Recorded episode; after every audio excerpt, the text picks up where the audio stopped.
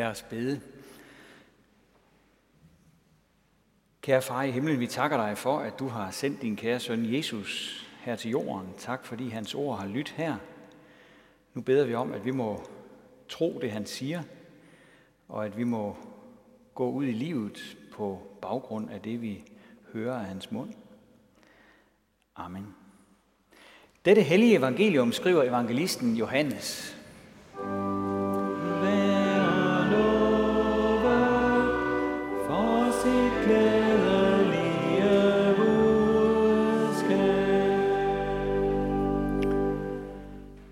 Jesus kom nu der til Kana i Galilea, hvor han havde gjort vand til vin.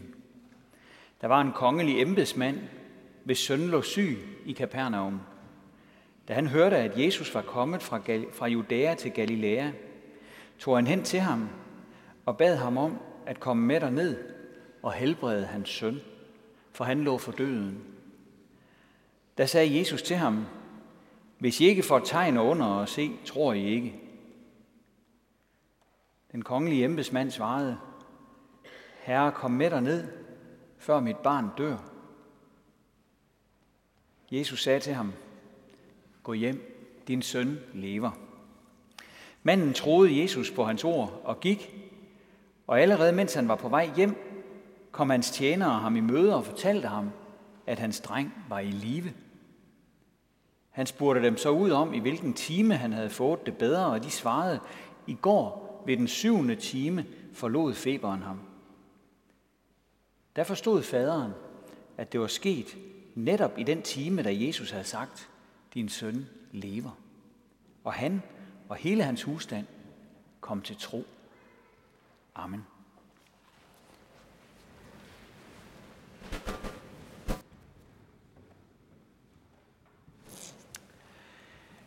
I dag har vi en vandringsmand på skærmen. Han er malet af Arne Haugen Sørensen, som har udsmykket mange kirker landet over. Det er ham, der også har lavet glasmosaikken over i Immanuelskirken. Og vandringsmanden er et motiv, som denne berømte kunstner ofte vender tilbage til i sine malerier. Ser vi nøjere på billedet, så bemærker vi, at mandens ansigt ikke er noget almindeligt ansigt. Det vender ligesom to veje på samme tid han ser både fremad og tilbage, mens han går afsted. Nu ved jeg ikke, hvad kunstneren selv har tænkt med sit kunstværk her, men billedet kunne godt være en illustration til den tekst fra Johannes evangeliet, som vi lige har hørt. Her var der en mand i en meget presset situation, som var kommet til Jesus for at få hjælp. Han var ellers en, der var vant til, at folk kom til ham for at få hjælp for han var kongelig embedsmand i Kapernaum. Men nu var han altså havnet i en situation, hvor han selv var ganske magtesløs. Hans søn var blevet så syg, at han lå for døden. Derfor var han rejst 50 km til fods gennem bjerglandskabet til Kana for at opsøge Jesus. Her gav Jesus ham et løfte. Gå hjem, din søn lever. Og der står, at manden troede Jesus på hans ord og gik. Så kort kan det altså siges. Han stolede på løftet, og så gik han hjemad igen. Han havde ikke andet end ordet fra Jesus at holde sig til, mens han endnu en gang gik de 50 kilometer af snørklede bjergveje. Det var det ord, han orienterede sig imod. De var hans eneste holdepunkt på turen – det kunne han se tilbage på, det ord, samtidig med, at han så fremad mod de udfordringer, som han stod med. Miraklet, som Jesus gjorde den dag, var et under på distance, på lang distance. Men manden troede Jesus på hans ord og gik. Og sådan blev han et billede på alle kristne. For sådan er vilkårene for et hvert kristent menneske. At høre Guds ord og løfter og så at gå afsted, fordi man tror på de ord og de løfter.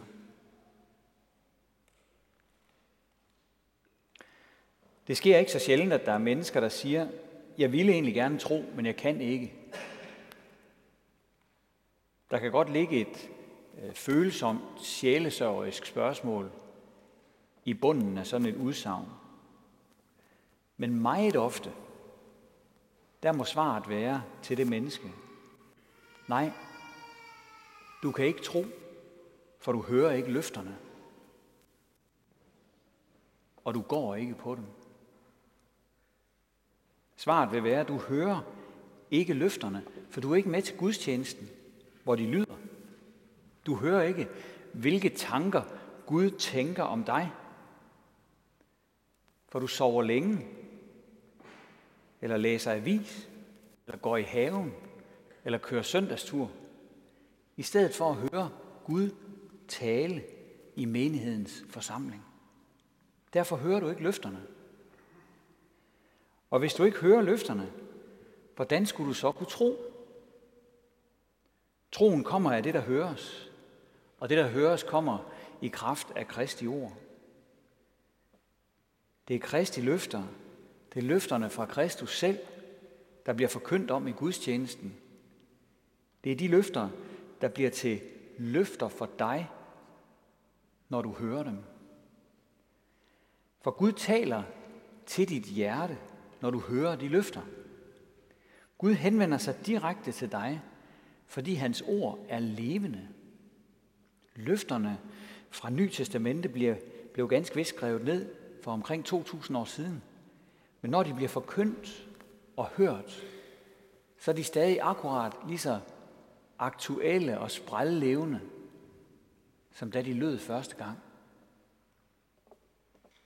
For Guds ord er levende og virksomt og skarpt. Skarpere end noget tvækket svær, står der i Bibelen. Altså et svær, der er slebet på begge sider.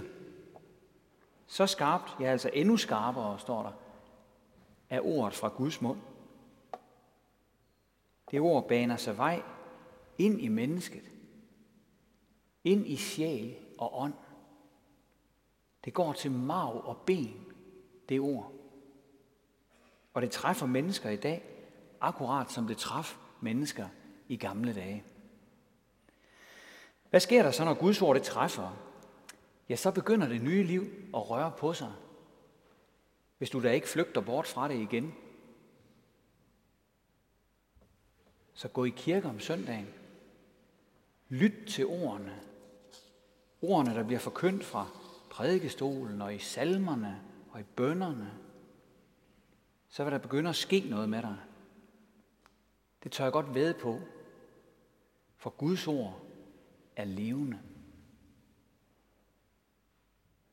Det er den ene halvdel af løsningen for den, der gerne vil finde ind i troens liv. Den anden handler om at gå. Ligesom embedsmanden blev sendt afsted hjemad, da Jesus havde lovet ham løsning, sådan bliver du og jeg også sendt afsted fra gudstjenesten ud i livet. Sådan bliver det også hver søndag for os, når vi er med.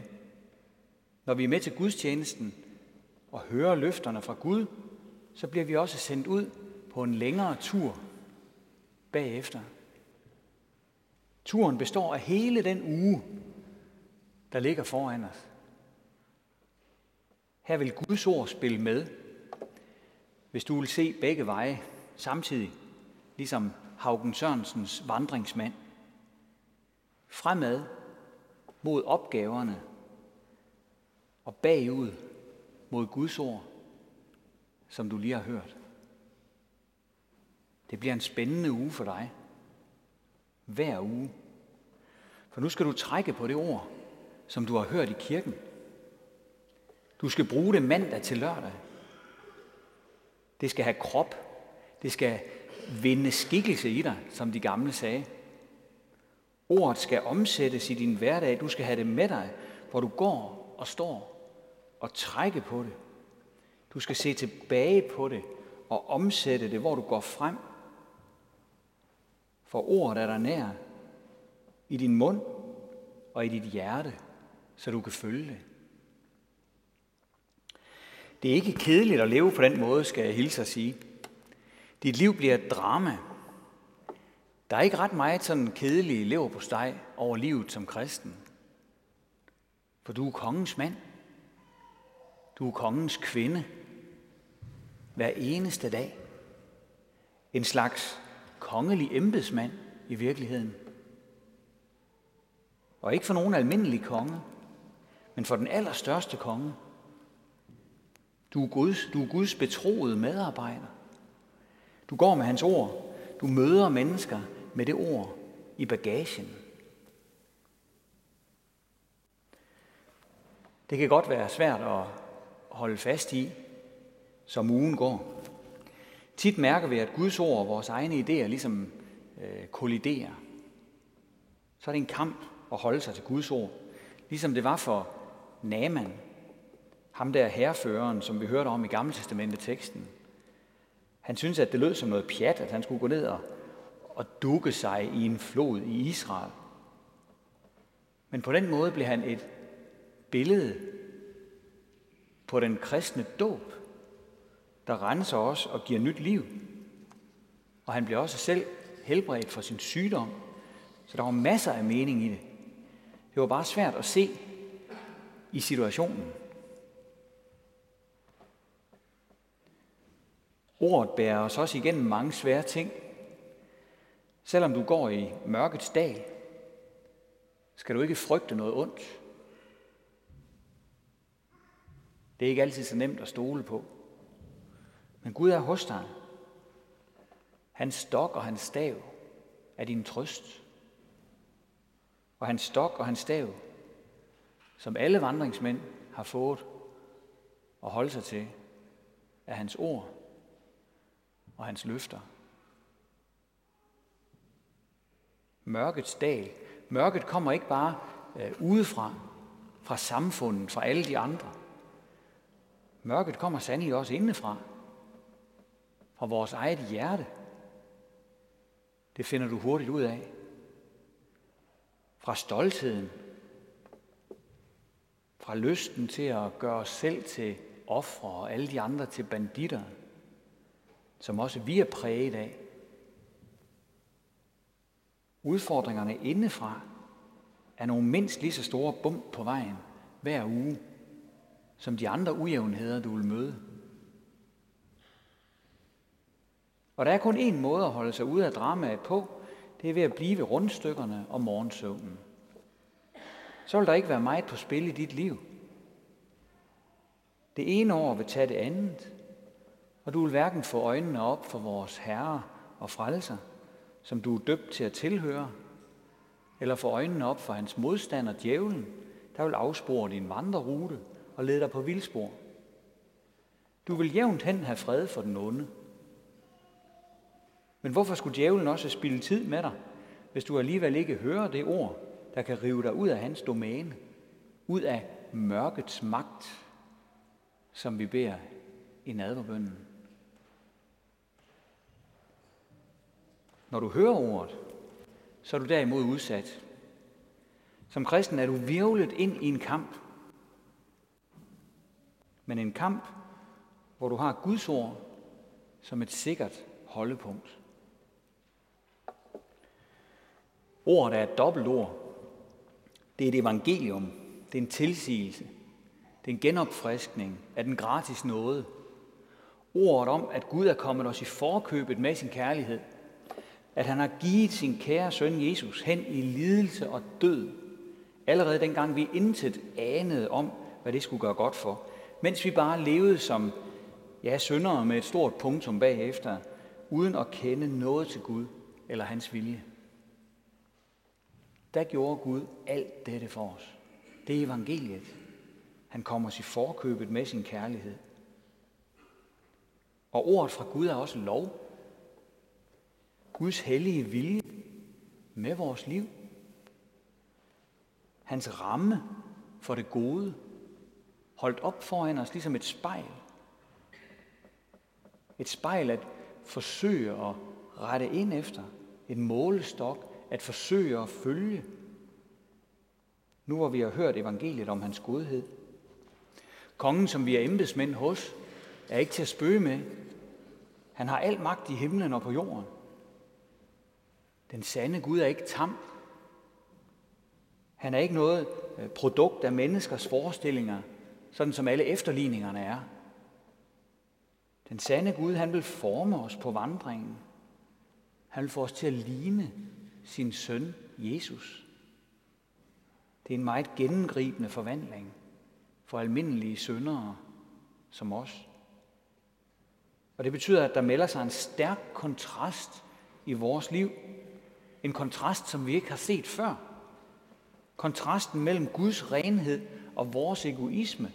Kontrasten mellem Guds godhed og vores materialisme og æresyge og det hele. Ordet fra Gud i lovens form betyder, at vi må gå i os selv og bede Gud om hjælp til at bryde ud af de forkerte mønstre og uholdbare dispositioner, som vi glider ind i. Det betyder, at vi må angre synden i dens utallige skikkelser i vores liv, og lade vores liv forme af Guds vilje. Så livet som kristen er virkelig et drama. Ligegyldigt hvem du er, om du er kendt eller ukendt, om du er rig eller fattig, om du er populær eller upopulær, så står du i et drama. Dit liv er højdramatisk hver dag, for det handler om frelse eller fortabelse, både for dig selv, men også for alle de mennesker, som du er iblandt. Dem du kender, og dem du aldrig har set, men som du møder i morgen. Midt i det her drama, der har vi et ord at gå på. Et ord, der rusker os og viser os vores synd, uden at lægge fingrene imellem. Men også et ord, som samtidig viser os den rette vej at gå, midt i dramaet. Jesus talte. Det gjorde han i Kana, i den tekst, vi har læst. Og der var dækning for hans ord. Og han, der hørte ord, der gik afsted på baggrund af det, han blev ikke skuffet. Det var gået med hans søn, sådan som Jesus havde sagt, at det ville gå. Jesus havde gjort et under på lang distance.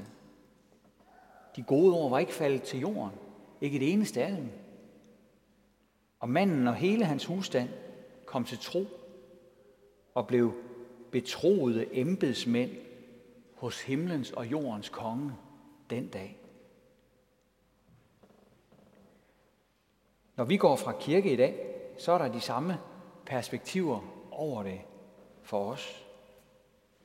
Ugen ligger foran os. Den vil helt sikkert byde på drama, på mange forskellige niveauer af vores tilværelse. Men vi har ordet med os. Det må vi have lov at se tilbage på og stole på, mens vi ser frem imod alle de udfordringer, der måtte komme. Ære være faderen og sønnen og helligånden, som det var i begyndelsen, så også nu og altid og i al evighed. Amen. Og lad os rejse os og med apostlen tilønske hinanden. Og Herres Jesu Kristi nåde, Guds, vor Fars kærlighed og Helligåndens fællesskab være med os alle.